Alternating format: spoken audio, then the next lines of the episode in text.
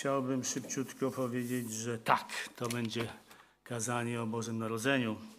Tak naprawdę w kościelnych kalendarzach już od 2000 lat są dwie niedziele zarezerwowane dla dwóch pewnych tematów. Więc możecie być pewni, że jak w te dwie niedziele przyjdziecie, to na pewno wam się zgodzi.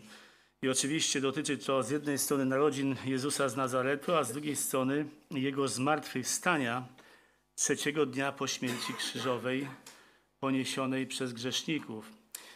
I w tym gronie nie musimy sobie tego w ogóle wyjaśniać. Obe wydarzenia są po stworzeniu świata, po upadku, po potopie. Najważniejsze wydarzenia w historii aż do tej pory. I one też zostały przez Boga zaplanowane przed założeniem świata, aby dokładnie w wyznaczonym terminie, dokładnie co do godziny, albo jak list do Galacjan 4:4 mówi, gdy nadeszło wypełnienie czasu, aby ustanowić fundament wiary chrześcijańskiej opartej na osobie i dziele Chrystusa na krzyżu, dziele odkupienia win skruszonych grzeszników i usynowienia ich przez Boga Ojca. A więc dzisiaj tak jak tego koniecznie wymaga ta okazja, ten dzień i jego charakter, zajmiemy się tekstem z Ewangelii Łukasza, rozdział drugi, który także opisuje okoliczności narodzin Pana Jezusa. Drugi taki fragment jest w Ewangelii Mateusza i dzisiaj i część tego, i część tego przeczytaliśmy. No mimo wszystko, ponieważ mamy tutaj konkretny plan, przeczytajmy jeszcze raz, nie całość, natomiast Ewangelii Łukasza, rozdział drugi od wersetu pierwszego do wersetu dwudziestego. I stało się w owe dni, że wyszedł dekret cesarza Augusta, aby spisano cały świat. Pierwszy ten spis odbył się, gdy Kwiryniusz był namiestnikiem Syrii. Szli więc wszyscy do spisu, każdy do swojego miasta. Poszedł też i Józef z Galilei, z miasta Nazaretu do Judei, do miasta Dawidowego, zwanego Betlejem, dlatego że był z domu i z rodu Dawida. Aby był spisany wraz z Marią, poślubioną sobie małżonką, która była brzemienna. I gdy tam byli, nadszedł czas, aby porodziła. Porodziła syna swego pierworodnego i owinęła go w pieluszki i położyła go w żłobie, gdyż nie było dla nich miejsca w gospodzie. A byli w tej krainie pasterze w polu czuwający i trzymający nocne straże nad stadem swoim. I anioł pański stanął przy nich, a chwała pańska zewsząd ich oświeciła i ogarnęła ich bojaźń wielka. I rzekł do nich anioł, nie bójcie się, bo to zwiastuje wam radość wielką, która będzie udziałem wszystkiego ludu, gdyż dziś narodził się wam Zbawiciel, którym jest Chrystus Pan w mieście Dawidowym. A to będzie dla was znakiem, znajdziecie niemowlątko owinięte w pieluszki i położone w żłobie. I zaraz za aniołem zjawiło się mnóstwo wojsk niebieskich, chwalących Boga i mówiących chwała na wysokościach Bogu, a na ziemi pokój ludziom, w których ma upodobanie. A gdy aniołowie odeszli od nich do nieba, pasterze rzekli jedni do drugich, pójdźmy zaraz aż do Betlejemu i oglądajmy to, co się stało i co nam objawił Pan. I śpiesząc się przyszli i znaleźli Marię i Józefa oraz niemowlątko leżące w żłobie a ujrzawszy, rozgłosili to, co im powiedziano o tym dziecięciu. I wszyscy, którzy słyszeli, dziwili się temu, co pasterze im powiedzieli. Maria zaś zachowywała wszystkie te słowa, rozważając je w sercu swoim, i wrócili pasterze, wielbiąc i chwaląc Boga za wszystko, co słyszeli i widzieli, jak im powiedziano. Otóż drogą wstępu Łukasz, który był ludzkim autorem tej Ewangelii, napisanej oczywiście pod natchnieniem Ducha Świętego, to znaczy, że Łukasz pisząc był wiedziony Duchem Świętym, aby napisać dokładnie to, co miał napisać. I Łukasz był także jedynym nieżydowskim autorem jakiejkolwiek księgi albo listu biblijnego. Możemy to sobie zobaczyć, jeżeli ktoś ma żyłkę wywiadowcy do, i, i jak on się nazywa, detektywa, o, detektywa. I może zajrzeć do księgi, do listu do Kolosan i rozdział czwarty i szybko zaobserwować, że w wersecie 11 apostoł Paweł mówi i wylicza tych swoich współpracowników i mówi i Jezus zwany Justem, oni są jedynymi Żydami, którzy są współpracownikami, moimi dla sprawy Królestwa Bożego. Oni stali się też dla mnie pociechą. A zaraz dalej mówi tak, że pozd- y, pozdrawia was Łukasz, lekarz umiłowany i Demas. A więc Demas, Łukasz umiłowany nie byli między Żydami, którzy towarzyszyli, y, towarzyszyli y, Pawłowi, więc stąd wiemy o jego pogańskim pochodzeniu. No i też w tymże wersecie widzimy lekarz umiłowany i to jest najmocniejszy argument dotyczący jego profesji. No ale zarówno w Ewangelii Łukasza, która była napisana najpierw, jak i też w dziejach apostolskich napisanych potem, Łukasz pokazuje szczególne umiejętności. To są umiejętności pisarza i historyka. Wiemy, że Pan Bóg użył pisarzy Pisma Świętego tym, dos- dysponowali, ich naturalnymi i nienaturalnymi zdolnościami. E, I takich użył, żeby stworzyli coś unikalnego, co można im przypisać oczywiście, ale w ostatecznym rozrachunku to jest On, który stworzył każde słowo z tego, y, z tych ksiąg. A więc te umiejętności pisarza i historyka, i można by dodać nawet scenarzysty, i zaraz zobaczymy, to są umiejętności, których wielu dzisiaj mogłoby mu pozazdrościć. Już teraz skupiwszy się tylko już na Ewangelii Łukasza, od samych wersetów początków tej księgi, widzimy jego deklarację rzetelności. To jest bardzo ważna rzecz.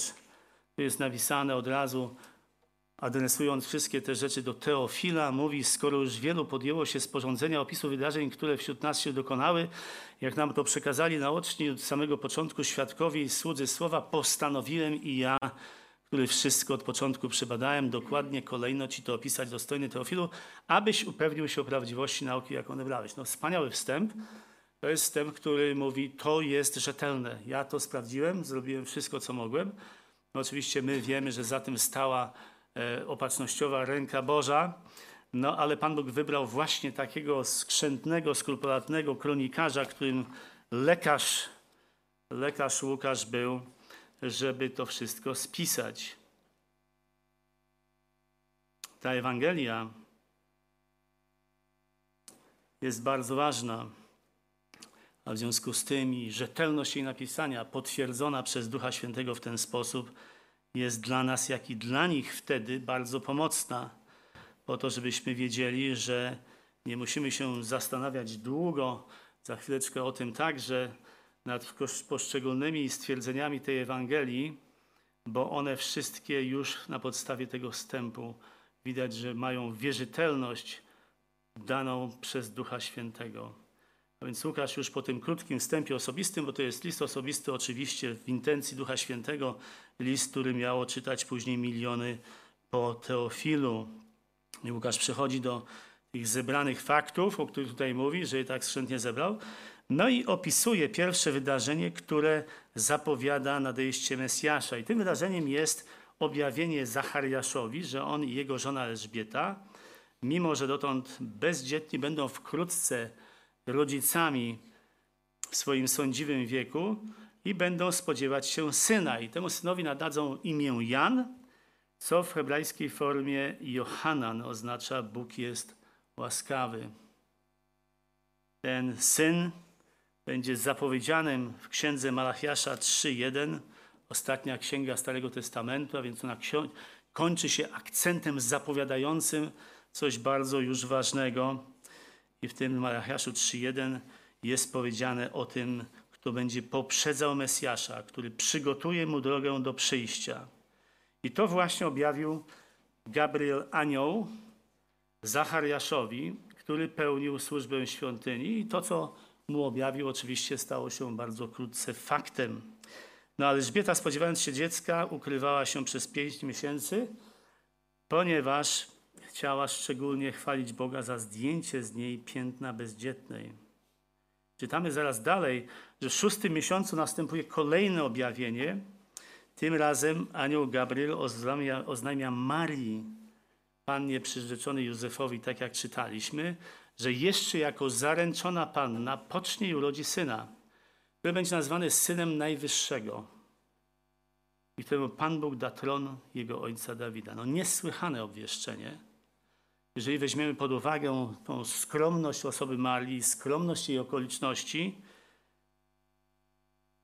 i przy tej też okazji padają pamiętne słowa anioła: U Boga żadna rzecz nie jest niemożliwa.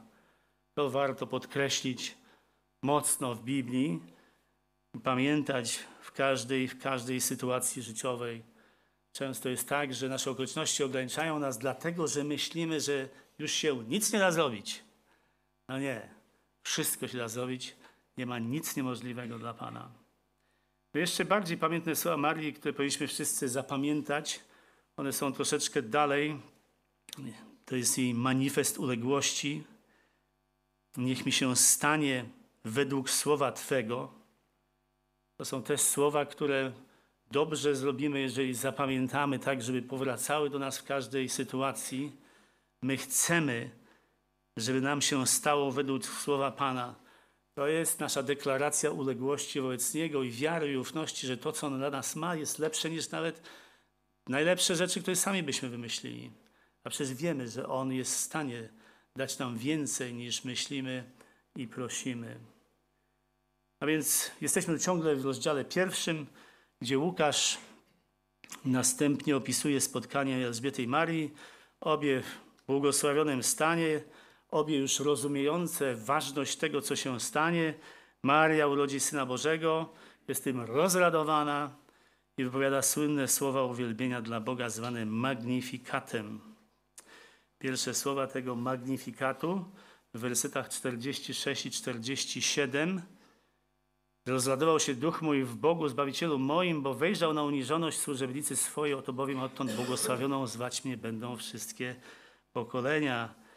To są bardzo ważne słowa. Maria miała świadomość swojej grzeszności.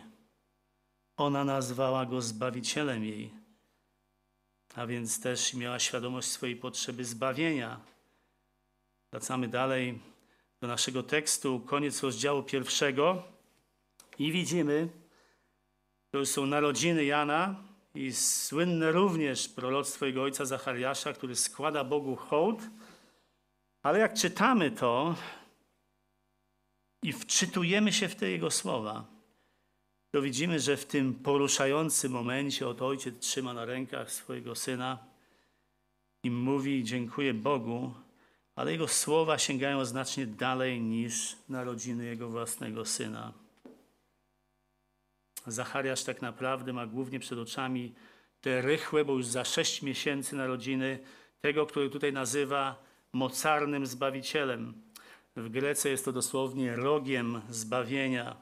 W Starym Testamencie jest używane dokładnie to sformułowanie. Róg to jest coś mocnego, to jest jakby atrybut mocy, a więc jest on mocarnym Zbawicielem zapowiedzianym w Starym Testamencie, no ale także Zachariasz widzi go jako wypełniającego obietnice zawarte w przymierzu z Abrahamem, że Izrael, i tutaj cytuję, wybawiony z ręki wrogów bez bojaźni będzie ostatecznie mógł służyć Jemu. I dopiero w drugiej kolejności Zachariasz mówi o swoim synu. Więc widzimy, gdzie były jego priorytety. Nawet wtedy, kiedy trzymał swojego syna, z którego radował się i pokazywał niejako światu dookoła że oto jest Jego Syn, cud Boży zrodzony w późnym wieku. I wtedy właśnie mówi o Nim, że Jego rolą będzie dać ludowi poznanie zbawienia przez odpuszczenie grzechów ich. A więc jak czytamy ten pierwszy rozdział, to widzimy, że mamy wydarzenie za wydarzeniem. Akcja się toczy, są konwersacje bardzo bliskie, rozmowy, interakcje ludzi z ludźmi, interakcje ludzi z aniołami, konkretne rozmowy, konkretne słowa. Czyli inaczej Mówiąc, Łukasz sprowadza nas to, co działo się w stosunkowo wąskim gronie ludzi, którzy mieli pełną już świadomość, że za chwilę narodzi się Jezus Chrystus, Mesjasz. A więc moglibyśmy nazwać to przygotowaniem narodzin Jezusa, które miało w tym przypadku charakter jakby rodzinny. Maria, jak powiedział anioł Gabriel w wersecie 36, rozdziału pierwszego od Elżbieta, krewna Twoja. A więc Maria, krewna Elżbiety, a więc wszystko to do tej pory rozgrywało się w obrębie rodziny Marii i rodziny Elżbiety. Tam ludzie jeszcze oczywiście towarzyszący tym wszystkim zjawiskom zaniemówienia Zachariasza i tak dalej. Ale tymczasem przechodzimy do rozdziału drugiego i nagle nasz punkt obserwacyjny się natychmiast zmienia. Tutaj jest właśnie to nawiązanie do umiejętności scenarzysty, tego, który pokazuje sceny, który definiuje to, co będziemy my czytać i w jakiś sposób przyciąga naszą uwagę albo do szczegółów, albo do czegoś bardzo szerokiego. E, tak jakby nas czegoś uczył. To jest ważna umiejętność, być w stanie spojrzeć szeroko, tak jak wyłania się odwieczna perspektywa w Piśmie Świętym, jak i też skupić się na szczegółach tekstu, które potrafią być niezwykle, niezwykle ważne. A więc przechodzimy do takiego właśnie miejsca, takiego skupienia. E, przechodzimy z tego otoczenia Zachariasza, Elżbiety i Marii, nawet świeżo narodzonego Jana i taki przechodzimy na punkt widzenia z lotu, ptak, z lotu ptaka, taki patrzący już nie na jakichś ludzi w jakimś miejscu, ale na całe cesarstwo rzymskie. Jest tak jakbyśmy w Google Maps najpierw zniżyli się do tego, żeby widzieć twarze, a później nagle tym pokrętły na myszy wzniesie się wysoko, żeby zobaczyć całe cesarstwo. Fantastyczny zabieg, który tutaj nam Duch Święty serwuje. Bo to właśnie Łukasz przechodzi z tego rodzinnego tła do historycznego tła i mówi nam, że kiedy Jan Chrzciciel się urodził, a Jezus miał się już wkrótce urodzić, no to nagle cesarz wydaje dekret o spisaniu całego świata, tak jak mówi Biblia Warszawska i unowocześniona Biblia Gdańska, albo całej ludności Cesarstwa Rzymskiego, e, to jest Biblia Zaręby, mieszkańców całej ziemi, Biblia Praska, Poznańska, przepraszam, mieszkańców całego państwa, Biblia e, Warszawsko-Praska. Do czego więc to dotyczy? Ziemi, świata? Krytycy Biblii powiedzieli, ha, on nie mógł spisać całego świata, Biblia ma problem. Nie, nie ma problemu.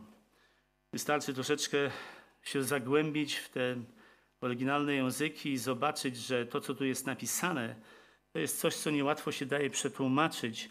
I to po prostu oznacza coś, co jest zamieszkałe. E, to słowo zamieszkałe, użyte ze słowem ziemia, którą my czasami mówimy, że to jest ge, chociaż naprawdę jest i. No ale to są niuanse już języka greckiego, ale to zamieszkała ziemia, tutaj nie użyta jest, tylko jest to słowo zamieszkała. A więc nie ma tutaj żadnego całego świata, tutaj jest po prostu teren zamieszkały w obrębie Cesarstwa Rzymskiego. To o to właśnie tutaj chodzi. Zresztą podobnie jest to użyte w kilku innych miejscach w Nowym Testamencie. No i ten dekret Augusta, patrzymy, a on ma kolosalny wpływ na sytuację Józefa i Marii, ponieważ musieli być spisani w Judei, konkretnie w Betlejem, albo byli z linii Dawida, a Dawid pochodził skąd? Z Betlejem. Dawid pochodził z Betlejem, więc Maria, która za chwilkę miała już rodzić, musiała przez ten spis udać się w prawie 100-kilometrową podróż, bo tak się zdarzyło, że cesarz miał kaprys, żeby spisać ludzi. No nie, natychmiast widzimy, że nie. Jakiekolwiek by nie były tutaj ostatecznie motywacje Augusta, Mamy tutaj monumentalny przykład suwerennego, opatrznościowego działania Boga, który, jak mówi Izajasz w Izajaszu 46:10, od początku zwiastował to, co będzie. I dalej ten werset brzmi: Ja wypowiadam swój zamysł i spełnia się on. A więc o co tu chodzi? Tutaj w księdze Micheasza, napisanej 700 lat przed Chrystusem, Micheasz, wiedziony Duchem Świętym, napisał, że z Betlejem wyjdzie ten, który będzie władcą Izraela. I oczywiście nie mógł być to Dawid, dlatego że Dawid już umarł 300 lat przedtem. To jest zapowiedziany Mesjasz. Tu jest mowa o Mesjaszu. A więc Pan Bóg zapowiedział, że Mesjasz, który przyjdzie, przyjdzie z Betlejem, no ale Maria i Józef mieszkali w Nazarecie. Problem! No nie, nie problem, dlatego że właśnie czytaliśmy te bardzo ważne wersety, że u Pana nic nie jest niemożliwe. A więc nie jest niemożliwe i żeby osiągnąć swój cel, to znaczy, żeby się wypełniło to, co było zapisane, Pan Bóg położył na sercu cesarza rzymskiego, żeby ogłosił spis ludności, aby wypełnić to, co powiedział Pan Bóg. To niesamowite. Pan Bóg działa w królach barbarzyńskich, pogańskich, królach, którym w ogóle nie przychodzi na myśl, żeby myśleć o posłuszeństwie wobec woli Bożej. A jednak Pan poruszył jego serce, aby ogłosił spis ludności. To jeszcze w taki sposób, zobaczmy na to, w taki sposób, żeby ten obowiązek zgłoszenia się do spisu uniemożliwił Marii i Józefowi pozostanie w Nazarecie, przeczekanie, aż się dziecko urodzi i dopiero później pójście do Betlejem, żeby dać się spisać. Widać, wyraźnie widać przymus. No przecież gdybyśmy my mieli tutaj postanowić coś, to bym powiedział nie no. Zaczekamy, urodzimy, zobaczymy, a później sobie pójdziemy. No ale tam nie było tak. Wydaje się, że prawo tam e, dotykało ludzkich serc, powodując pewną bojaźń, coś innego niż w dzisiejszych czasach. Ale tak czy inaczej, tak to właśnie Pan Bóg zrobił, że praktycznie zmusił ich do podjęcia tej karkołomnej podróży, aby w ostatnich dniach oczekiwania na rozwiązanie, aby przez to się wypełniło jego, wypełnił jego plan. To brzmi znajomo. Tak naprawdę czytamy w Testamencie w księdze Ezdrasza, rozdział pierwszy, werset pierwszy. W pierwszym roku panowania Cyrusa, króla perskiego, aby się spełniło słowo Pana. Ta sama sytuacja. Wypowiedziane przez usta Jeremiasza, pobudził Pan ducha Cyrusa. Czy był chrześcijanin? Nie, skądże pogański król, króla perskiego, żeby ogłosił ustnie, a także pisemnie w całym swoim królestwie, co następuje. I dalej jest mowa o zbudowaniu świątyni w Jerozolimie. Przypowieści Salomona 21.1. Czytamy tam to. Serce króla jest w ręku Pana jak strumienie wód. On je kieruje dokąd chce. I to jest właśnie to, co Pan Bóg robi. On steruje suwerennie wszystkimi okolicznościami. On steruje wszystkimi królami, którzy myślą, że rządzą. I wprawdzie na zewnątrz to tak widać, ale tak naprawdę to jest On, który kieruje nimi, ponieważ On jest władcą nad królami ziemskimi. Objawienie, rozdział pierwszy, werset piąty. I właśnie dlatego mamy tu przypadek, żeby się spełniło Jego słowo o przyjściu króla żydowskiego, wtedy, kiedy miał przyjść i w miejscu, w którym miał przyjść, cesarz rzymski ogłosił, albo moglibyśmy powiedzieć, musiał ogłosić, bo taki był wybór Boży, aby stało się to, co Pan Bóg zaplanował. No i w tym właśnie momencie Łukasz przenosi znowu nasze oczy z pałacu cesarza na drogi, po których chodzą ci wszyscy ludzie ze swoich miejsc, gdzie mieszkali, do swoich miejsc, gdzie powinni być spisani, a między nimi Józef z Marią, którzy po niewielu, dniach osiągają ten cel swój podróży, czyli Betlejem. Następnie dwa wersety, szósty i siódmy rozdziału drugiego, w opisie okoliczności narodzin Jezusa są szokująco skrótowe. No zwróćmy uwagę, mamy tutaj cały rozdział o Zachariaszu, później mamy rozdział o Marii, później mamy rozdział znowu, znaczy część rozdziału o Zachariaszu, w międzyczasie jest Elżbieta. Wszystkie te rzeczy tutaj się dzieją i dotyczą przyjścia Pana Jezusa. Nagle wchodzimy do rozdziału drugiego i w wersetach szóstych i siódmych czytamy o Jego narodzinach. Jeden werset jeden werset. I brzmią tak. I porodziła syna swego pierworodnego i wynęła go w pieluszki i położyła go w żłobie, gdyż nie było dla nich miejsca w gospodzie. No szok. Moglibyśmy powiedzieć, że narodziny Syna Bożego, narodziny Króla Królów i Pana Panów byłyby troszeczkę rozbudowane. Mielibyśmy tutaj pewnie coś więcej podane. A tu po prostu widzimy, ona porodziła, owinęła pieluszki i położyła w żłobie. Otóż znaczna część tej sali, jak tak patrzę, to wie, że narodziny dziecka są dla większości kobiet doświadczeniem niełatwym, zwłaszcza te pierwsze narodziny. I w dzisiejszych czasach i w wielu miejscach jest to reguła, a w wielu nie jest że rodzącej towarzyszy grupa życzliwych i profesjonalnych ludzi, którzy starają się stworzyć komfortową atmosferę, właściwą i warunki właściwe dla tego wydarzenia. Tutaj nasz tekst nic takiego nie sugeruje. Nawet nie wspomina Józefa jako aktywnego uczestnika tego procesu. Prawda jest taka, i to też tutaj wielu z nas wie, że mężowie przy narodzinach pierwszego dziecka i tak zwykle okazują się niebywale mało przydatni. Zgadza się? No tak czy inaczej mamy tu w tekście tylko Marię, która sama urodziła, sama dziecko zawinęła, sama ułożyła go gdzie? W kołysce? Nie. W żłobie przeznaczonym do karmienia zwierząt używanych przez podróżujących gości gospody. Ciekawa sprawa, że stajenka jest nawet nie użyta w tym tekście, więc to mogło być niekoniecznie specjalna jakaś rzecz zbudowana, to mogło być kawałek jaskini, jakiegoś zagłębienia, jakiejś wiaty, jakiegoś czegoś. Warunki zupełnie niesłychane. Można powiedzieć, że obraz jest wstrząsający. Oni są pozostawieni sami sobie w warunkach co najmniej trudnych i stają się rodzicami Syna Bożego. Ten, który zasługiwał na najwyższe honory, urodził się w odosobnieniu, w ubóstwie, niezauważony przez otoczenie. W szerszym też kontekście, tak jak nawet dzisiaj czytaliśmy w Ewangelii Jana, on został też niezauważony przez świat. To jest właśnie rozdział pierwszy i tam jest, że świat go nie poznał, co oczywiście także obejmuje jego przyjście na świat, mimo że zostało one zauważone przez Heroda, który został o tym poinformowany przez mędrców ze wschodu. A więc widzimy, że upodobało się Panu Bogu, aby Pan Jezus zgodnie ze służebnym charakterem swojej misji, bo my to wiemy, oni tego jeszcze nie wiedzieli, my już to wiemy.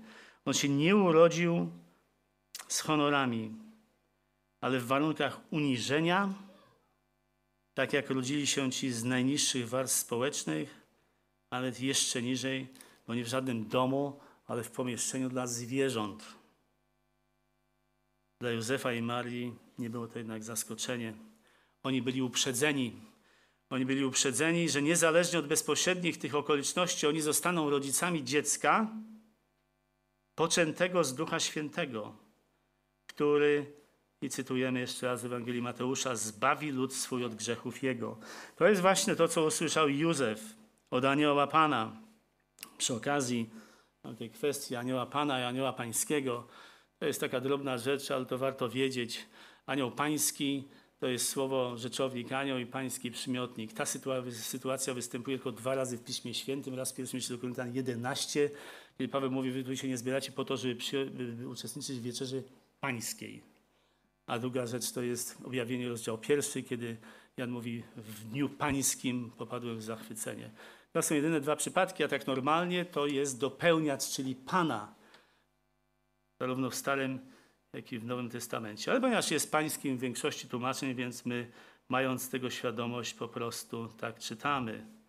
A więc Gabriel powiedział, powiedział Józefowi, e, a Maria konkretnie też od Gabriela w Łukaszu 1,32 usłyszała, że Jezus będzie nazwany Synem Najwyższego, a Pan mógł da mu tron jego ojca Dawida. Uderzający kontrast między bardzo skromnymi okolicznościami narodzin Pana Jezusa, a majestatem Jego boskości, z którym mamy do czynienia już od samego początku, chociaż jest to ciągle jeszcze zakryte tym Jego niemowlęctwem. I dla nas to też nie jest zaskoczenie. Boży zamysł w misji, Pana Jezusa był taki, aby objawić te rzeczy dotyczące Jezusa i Jego Ewangelii, tak jak to czytamy w Mateuszu 11:25, prostaczką. Prostaczką. Prostaczkami określa Paweł też tych, którzy nie należą do mądrych tego świata, ani do możnych, ani wysokiego ludu, rodu, przepraszam. To jest 1 Koryntian, rozdział 1, werset 26. I on mówi, że takich jest niewielu pośród ludzi zbawionych. Większość ludzi zbawionych pochodzi z nizin, Pamiętam, jak Pan Jezus mówił, że trudno jest człowiekowi bogatemu wejść do Królestwa Bożego. No ale oczywiście mamy tutaj znaczące wyjątki, chociażby Lidia, czy też inni, których Biblia wymienia. bycie zamożnym nie nie, nie przekreśla niczyjej szansy do tego, żeby, żeby być zbawionym. Wręcz przeciwnie, Pan Bóg suwerennie używa ludzi, którzy są dobrze sytuowani do tego, żeby osiągnąć swoje cele i zasilić swój kościół. Właśnie Lidia, pamiętamy o tym, że ona w jej domu rozpoczął się ten kościół w Filipi wkrótce po tym, jak została nawróc- jak się sobie nawróciła i została ochrzczona. A więc nie wysokiego rodu, nie możnych, nie mądrych tego świata. I zgodnie z tym, i w tej samej atmosferze i duchu, widzimy w Ewangelii Łukasza, rozdział drugi, kolejny już obraz objawienia narodzin Pana Jezusa. I tym razem właśnie niemożnym i niewysokiego rodu, ale pasterzom, którzy trzymali straż nad swoim stadem w okolicy Betlejem, co czytamy w rozdziale drugim. I zadziwia nas ten kontrast znowu między skromnością obrazu samych narodzin, bo mamy to dosłownie jedno zdanie, jeden werset, werset siódmy, dla opisania całego procesu narodzin, a następującym dalej tym rozbudowanym opisem przekazania wiadomości o narodzinach Chrystusa pasterzom. Widzimy ten kontrast? Człowiek by pomyślał, że to powinno być odwrotnie.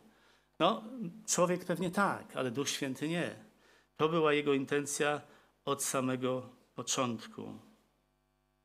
Od samego początku. I to była właśnie wiadomość o narodzinach Zbawiciela, więc prawdy o zbawieniu przez odpuszczenie grzechów. To właśnie usłyszał Józef, a urodzi, ona, urodzi syna i nadasz mu imię Jezus, albowiem on zbawi lud swój od grzechów. A widzimy, że te narodziny Pana Jezusa już są związane z tym, co on osiągnie w swoim życiu. I to też prorokował z Ducha Świętego Zachariasz, mówiąc, że jego syn poprzedzi tego, który wkrótce się narodzi i przyniesie zbawienie przez odpuszczenie grzechów. A więc widzimy, że pierwsze przyjście Pana Jezusa jest także okazją do głoszenia Ewangelii, dobrej nowiny. Ten nowonarodzony Syn Boży zbawi swój lud przez odpuszczenie ich grzechów. I dlatego właśnie teraz spójrzmy na wersety od 9 do 20 i zobaczymy tam cztery cechy postawy pasterzy wobec nowiny o narodzinach Jezusa. Cztery cechy postawy pasterzy, czyli o Jego pierwszym przyjściu. Po pierwsze, pasterze słuchali. Pasterze słuchali. Widzimy to w wersetach od 8 do 12, tam gdzie właśnie pasterze w polu czuwający, trzymający nocne straże nad stadem swoim, nie widać tutaj, żeby one jakoś szczególnie konwersowali, e, po prostu byli tam i trzymali nocne straże. Anioł Pański stanął przy nich i wtedy zaczęło się to objawienie, a oni słuchali. Ta atmosfera nocy na pewno nie sprzyjała temu i nie nastrajała do rozmowności. Tekst o tym nie mówi, ale to jest gwałtowna zmiana, którą widzimy zaraz potem, kiedy już anioł pański przestał mówić, a towarzyszące mu zastępy anielskie odeszły już do nieba, no to wtedy nagle widzimy, że pasterze jedni do drugich mówią całkiem już wiele. Gdy aniołowie odeszli od nich do nieba, pasterze rzekli jedni do drugich, pójdźmy zaraz. A więc mamy jakieś takie przebudzenie, obudzenie daru mowy, o którym przedtem nie słyszeliśmy. Nie możemy tego wykluczyć, no ale ten kontrast tutaj istnieje. Istnieje. Może nawet było tak, że oni się odzywali do siebie przedtem, ale kiedy anioł pański stanął przy nich i cytuję, chwała pańska z zewnątrz ich oświeciła i ogarnęła ich bojaźń. I od tego właśnie momentu zaczęli słuchać to, co do nich mówiono. I nie, widzimy, nie, nie dziwimy się temu, że oni, że oni zostali ogarnięci przez bojaźń. Bo to jest biblijnie rzecz biorąc najbardziej normalna reakcja postaci biblijnych, kiedy spotykały aniołów. W księdze Daniela mamy trzy takie przypadki. Zobaczmy choć jeden z nich, rozdział 8, wersety 15 do 18. Daniel ma jedno ze swoich widzeń mówi zaraz potem. A gdy ja, Daniel, miałem to widzenie i starałem się je zrozumieć, wtedy stanął przede mną ktoś, kto wyglądał jak mężczyzna. I słyszałem głos ludzki nad rzeką Ulaj, który tak wołał: Gabrielu, wyjaśnij mu to widzenie i przyszedł na miejsce, gdzie stałem, a gdy przyszedł, zdlągłem się i padłem na twarz. To jest właśnie reakcja wierzącego na obecność anielską. W Nowym Testamencie mam też kilka przykładów. Jeden całkiem blisko, bo w Ewangelii Łukasza, rozdział pierwszy, werset 11 i 12. I czytamy tam, że wtem ukazał się mu, czyli Zachariaszowi, przyszłemu ojcu Jana Chrzciciela, anioł pański stojący po prawej stronie ołtarza kadzidlanego i zatrwożył się Zachariasz na jego widok i lęk go ogarnął. Anioł zaś rzekł do niego, nie bój się Zachariaszu, bo wysłuchana została modlitwa twoja i żona twoja Elżbieta urodzi ci syna i nadasz mu imię Jan. Tutaj na marginesie, mała uwaga, Dalej w wersecie 18 Zachariasz wydaje się już być całkiem zdziwiony tą obietnicą. Mówi tak, po czym to poznam? Jestem bowiem stary i żona moja w podeszłym wieku. Więc Zachariasz się zachowuje tak, jakby pierwszy raz słyszał to, co mu anioł tutaj mówi. E, No ale przecież anioł mówi coś takiego. Wysłuchana została modlitwa Twoja. Więc widzimy tutaj Zachariasza, który być może z powodu swojego sędziwego wieku już zapomniał, że się o tym modli. To się zdarza. Mogę to przyznać tutaj od razu przed wszystkimi. Więc może zapomniał, może coś, a jednak nie. On może zapomniał, ale Pan Bóg nie zapomniał. Pan Bóg nie zapomniał i to niespodzianka, Pan Bóg wysłuchał modlitwy z dawnych lat, bo wtedy po prostu nie był to właściwy czas, a syn Jan miał się urodzić dużo później. Więc moglibyśmy powiedzieć, że nawet zapomnienie przez Zachariasza o tym, że się modlił, było z Bożego nadania, suwerenne dzieło Boże w myśle Zachariasza. Dla was wszystkich, którzy zapomina, zapominają o rzeczy, jest to fantastyczna nowina. Pan Bóg działa w waszym życiu. Nigdy nie wiecie, czy to, co zapomnieliście, jest warte zapomnienia, czy warte pamiętania. A więc mamy tutaj tą sytuację i to jest dla nas ważna lekcja. Kiedy modlimy się i prosimy o ważne rzeczy, bo przecież Pan Bóg mówi proście, nie chcemy być jak ten rolnik, który bez jednego, jednego dnia siała, drugiego wyglądał, czy już wyrosło. Bez obrazu dla rolników. Rolnicy zwykle tak nie robią, no ale niecierpliwi rolnicy, często im się to zdarza, jak słyszę, bo to jest opowieść i takie e, powiedzenie ludowe. A ludowe powiedzenia zwykle zapisują coś, co jest obserwowane przez wieki i wieki, więc coś tym musi być. Więc Pan Bóg robi wszystko według odwiecznego zamysłu woli swojej i On jeden tylko wie, kiedy i jak odpowie na nasze prośby modlitewne, aby przysporzyć sobie chwały i zrobić to, co jest dla nas najlepsze z Jego boskiej, najlepszej perspektywy. Jednak wracając do naszego tekstu, pas- pasterze zostali oświeceni przez chwałę pańską i tutaj też się nie dziwimy, że ogarnęła ich bojaźń. A ci, którzy doświadczają w Biblii obecności Bożej, i Jego chwały mają głębokie poczucie własnej grzeszności. Żeby wspomnieć chociaż Izajasza, który w księdze Izajasza 6, zobaczywszy wizji Boga w Jego majestacie i chwale, zawołał natychmiast cytat Biada mi! Zginąłem, bo jestem człowiekiem nieczystych warg i mieszkam pośród ludu nieczystych warg, gdyż moje oczy widziały króla Pana zastępów. Otóż nasze osobiste doświadczenia bliskości Bożej – bo bywają chwile takich szczególnych uniesień, subiektywnych uniesień. One także powinny prowadzić nas do bojaźni Bożej, do rachunku sumienia, do pokory, i żeby nie poszło nam w inną stronę niż ta pokora i uniżenie, to Pan Bóg, tak jak mówi Pawłowi w 2 Koryntian 12, może nawet wbić cień w nasze ciało, dosłownie, albo w postaci jakiejś osoby, którą postawi na naszej drodze gdyż naszych pasterzy ogarnęła bojaźń. Ona się też okazała pomocna w skupieniu się nad tym, co anioł pański miał im do powiedzenia, po prostu milczeli ze strachu. A mówił do nich tak, nie bójcie się, nie bójcie się, oto zwiastuję wam radość wielką, która będzie udziałem wszelkiego ludu. To są słowa zachęty, uspokojenia. Z jednej strony bojaźń przed tym, co jest nadprzyrodzone, a z drugiej strony anioł mówi, nie bójcie się słowa obietnicy, czegoś, co będzie radosne dla całego narodu. No bo co może być lepszego i bardziej radosnego dla całego narodu, jeżeli nie całego świata? To jest to, że narodzi się ten, który przyniesie zbawienie od grzechów, ratunek od kary za grzechy, ocalenie od grozy gniewu Bożego.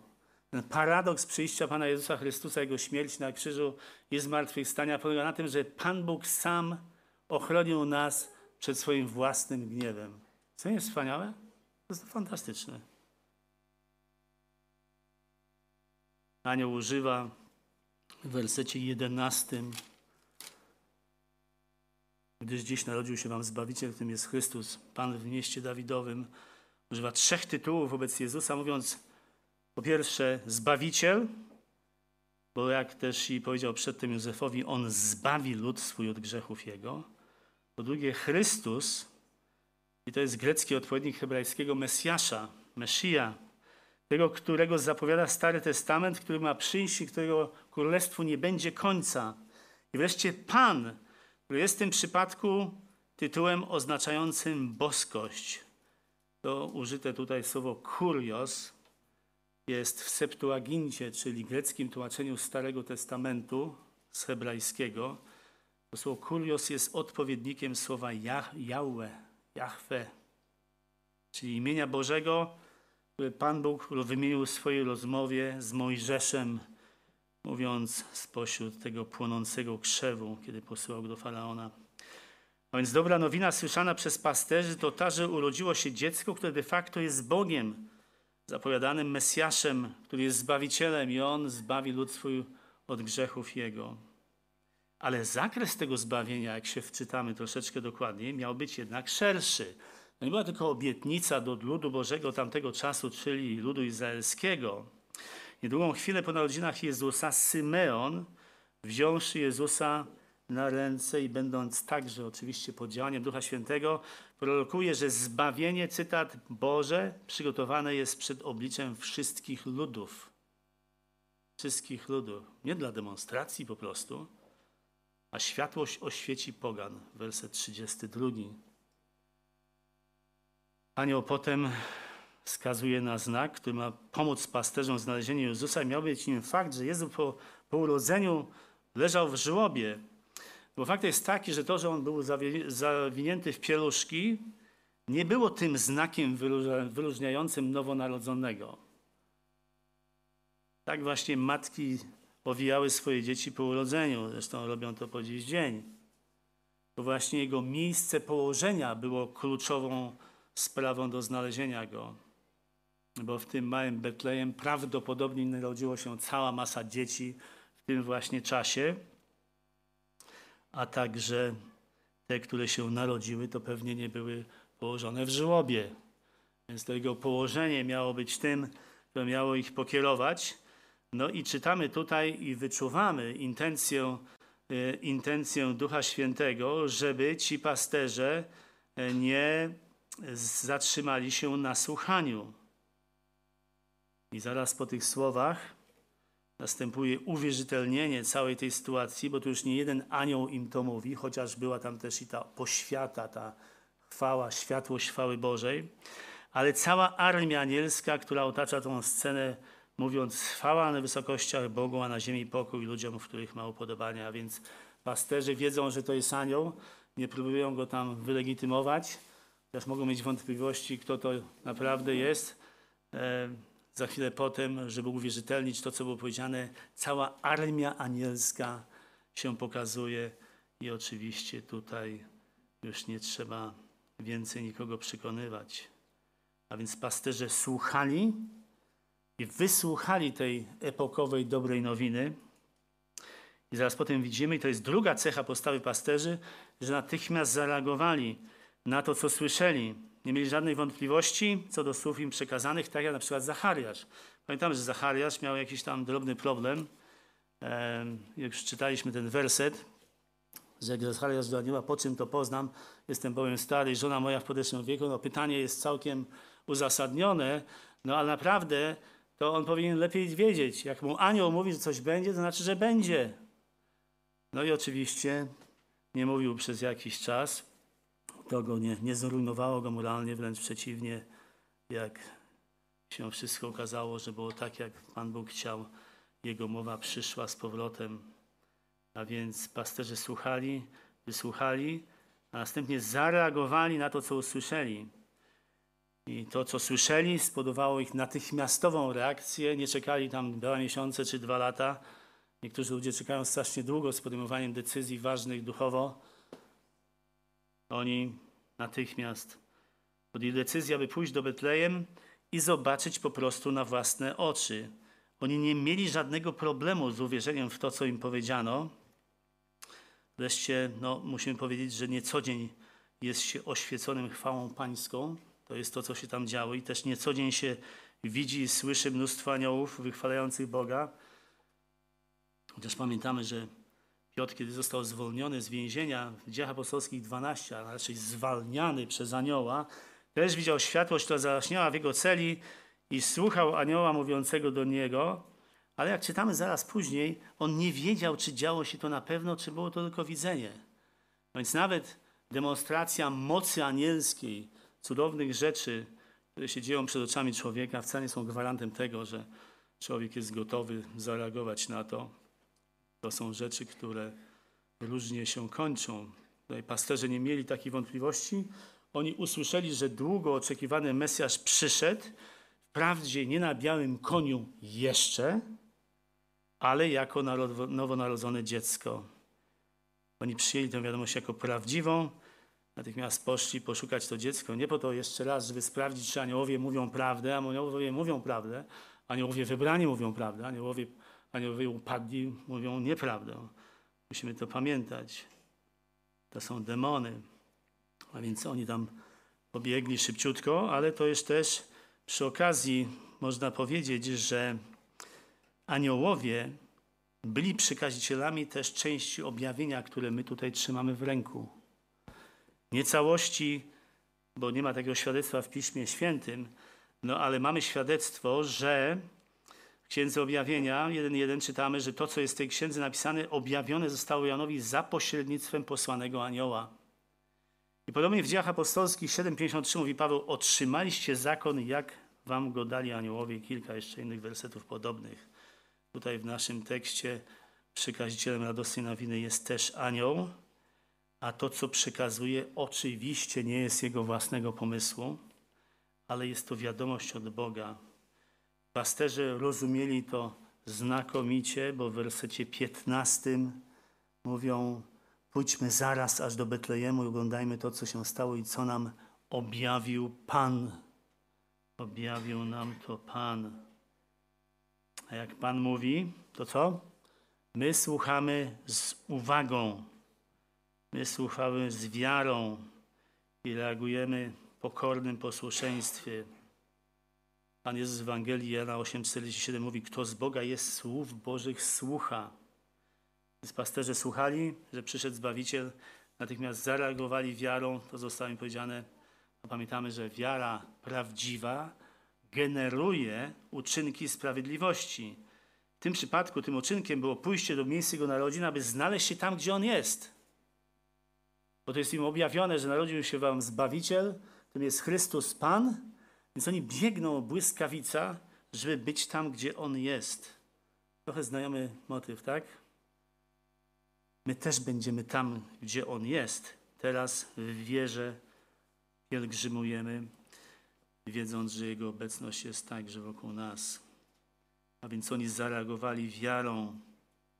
To nas sprowadza do trzeciej cechy postawy pasterzy, którą widzimy w wersecie 17. W wersecie 17 czytamy, a ujrzawszy rozgłosili to, co im powiedziano o tym dziecięciu. Otóż przyszli na to miejsce, gdzie leżał ten nowonarodzony Zbawiciel i rozgłosili, rozgłosili wszystko to, co im powiedziano o tym dziecięciu. Innymi słowy, oni chcieli, żeby ktokolwiek już tam wiedział o tych narodzinach, e, ktokolwiek był przypadkowym świadkiem później tego, co się tam stało, żeby wiedział, kto rzeczywiście się tu narodził. Nie jest po prostu celebracja jakichś narodzin, tylko tu się narodził nam Zbawiciel, który zbawi nie tylko nasz lud, ale też i przygotował, jak czytaliśmy, zbawienie przed obliczem wszystkich ludów. Podobny entuzjazm jak u tych pasterzy pamiętamy u kogo? U Samarytanki. Ewangelia Jana, rozdział czwarty. W tym momencie, kiedy Pan Jezus powiedział jej, że jest Mesjaszem, ona natychmiast pobiegła. Natychmiast pobiegła do miasta, żeby powiedzieć ludziom. No więc pasterze nagle stali się głosicielami dobrej nowiny wobec tych, którzy tam byli. Po co? Po to, żeby tą dobrą nowinę usłyszeć. Po to, żeby tą nowinę usłyszeć. Pan Bóg się nie myli. Tam, gdzie zgłoszona dobra nowina, są ludzie. Jedni z tych ludzi są tymi, których On wybrał od zanim świat powstał, żeby usłyszeli i byli zbawieni. Obu drugich ta Ewangelia przychodzi bokiem, nie reagują i ponoszą karę na własne żądanie. No, tutaj byśmy powiedzieli, że głoszenie tej Ewangelii przez pasterzy nie było żadną gwarancją, że nagle wszyscy się nawrócą. Nawet widzimy tutaj, że byli tym wszystkim zdziwieni. Wszyscy, którzy słyszeli, dziwili się temu, co pasterze im powiedzieli. Hmm. To jest tak, że mamy tutaj kolejny kontrast.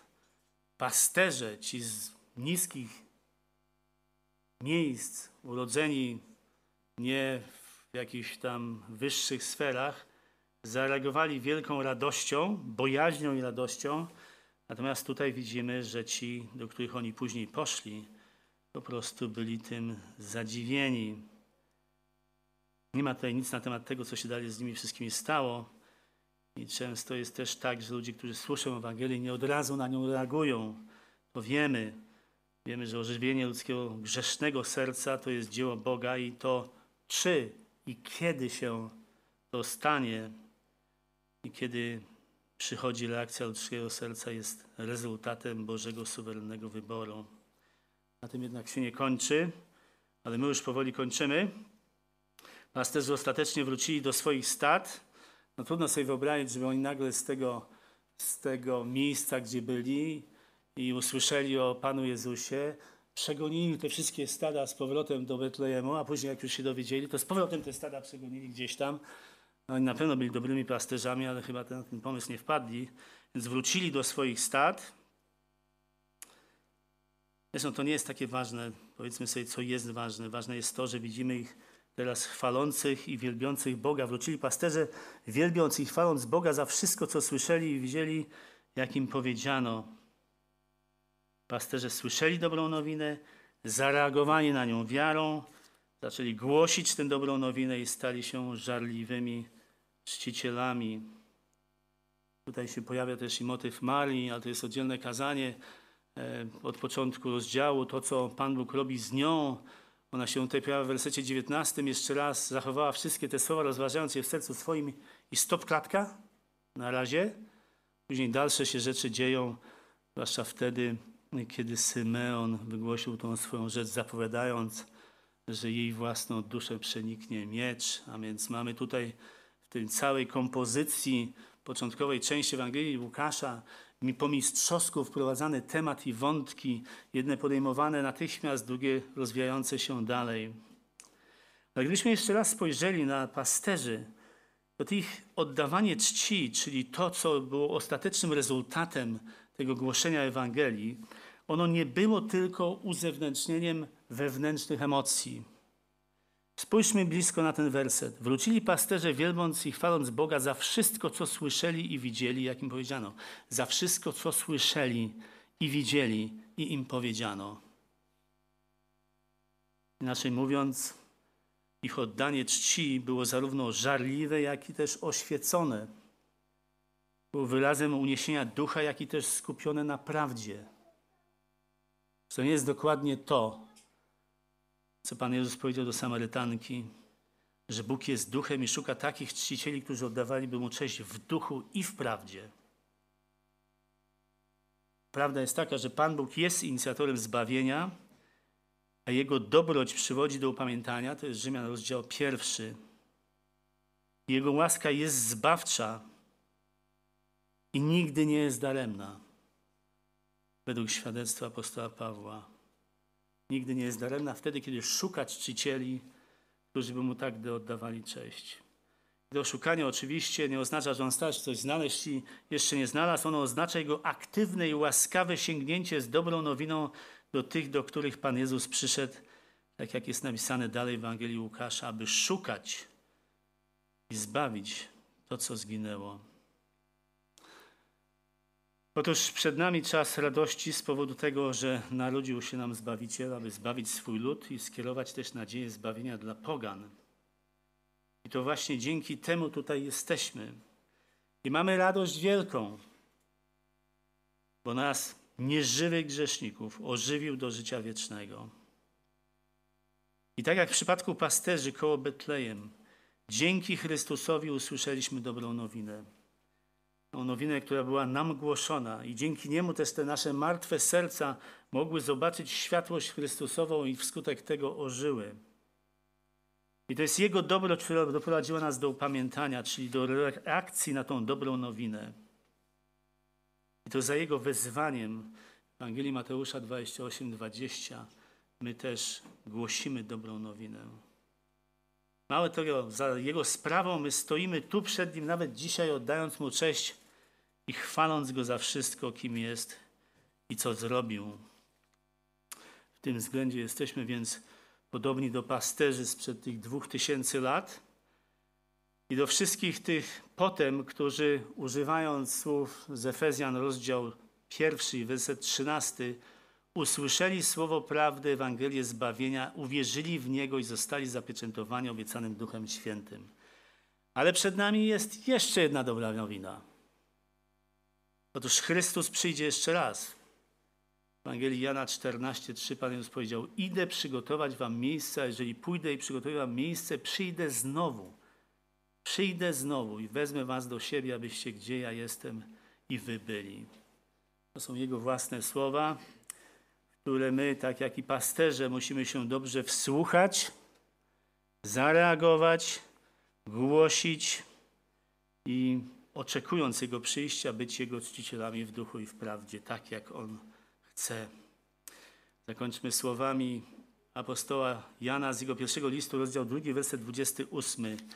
A teraz dzieci, trwajcie w tym, w Nim, abyśmy, gdy się objawi, mogli śmiało stanąć przed Nim i nie zostali zawstydzeni przy przyjściu Jego. Amen. Pochylmy głowy.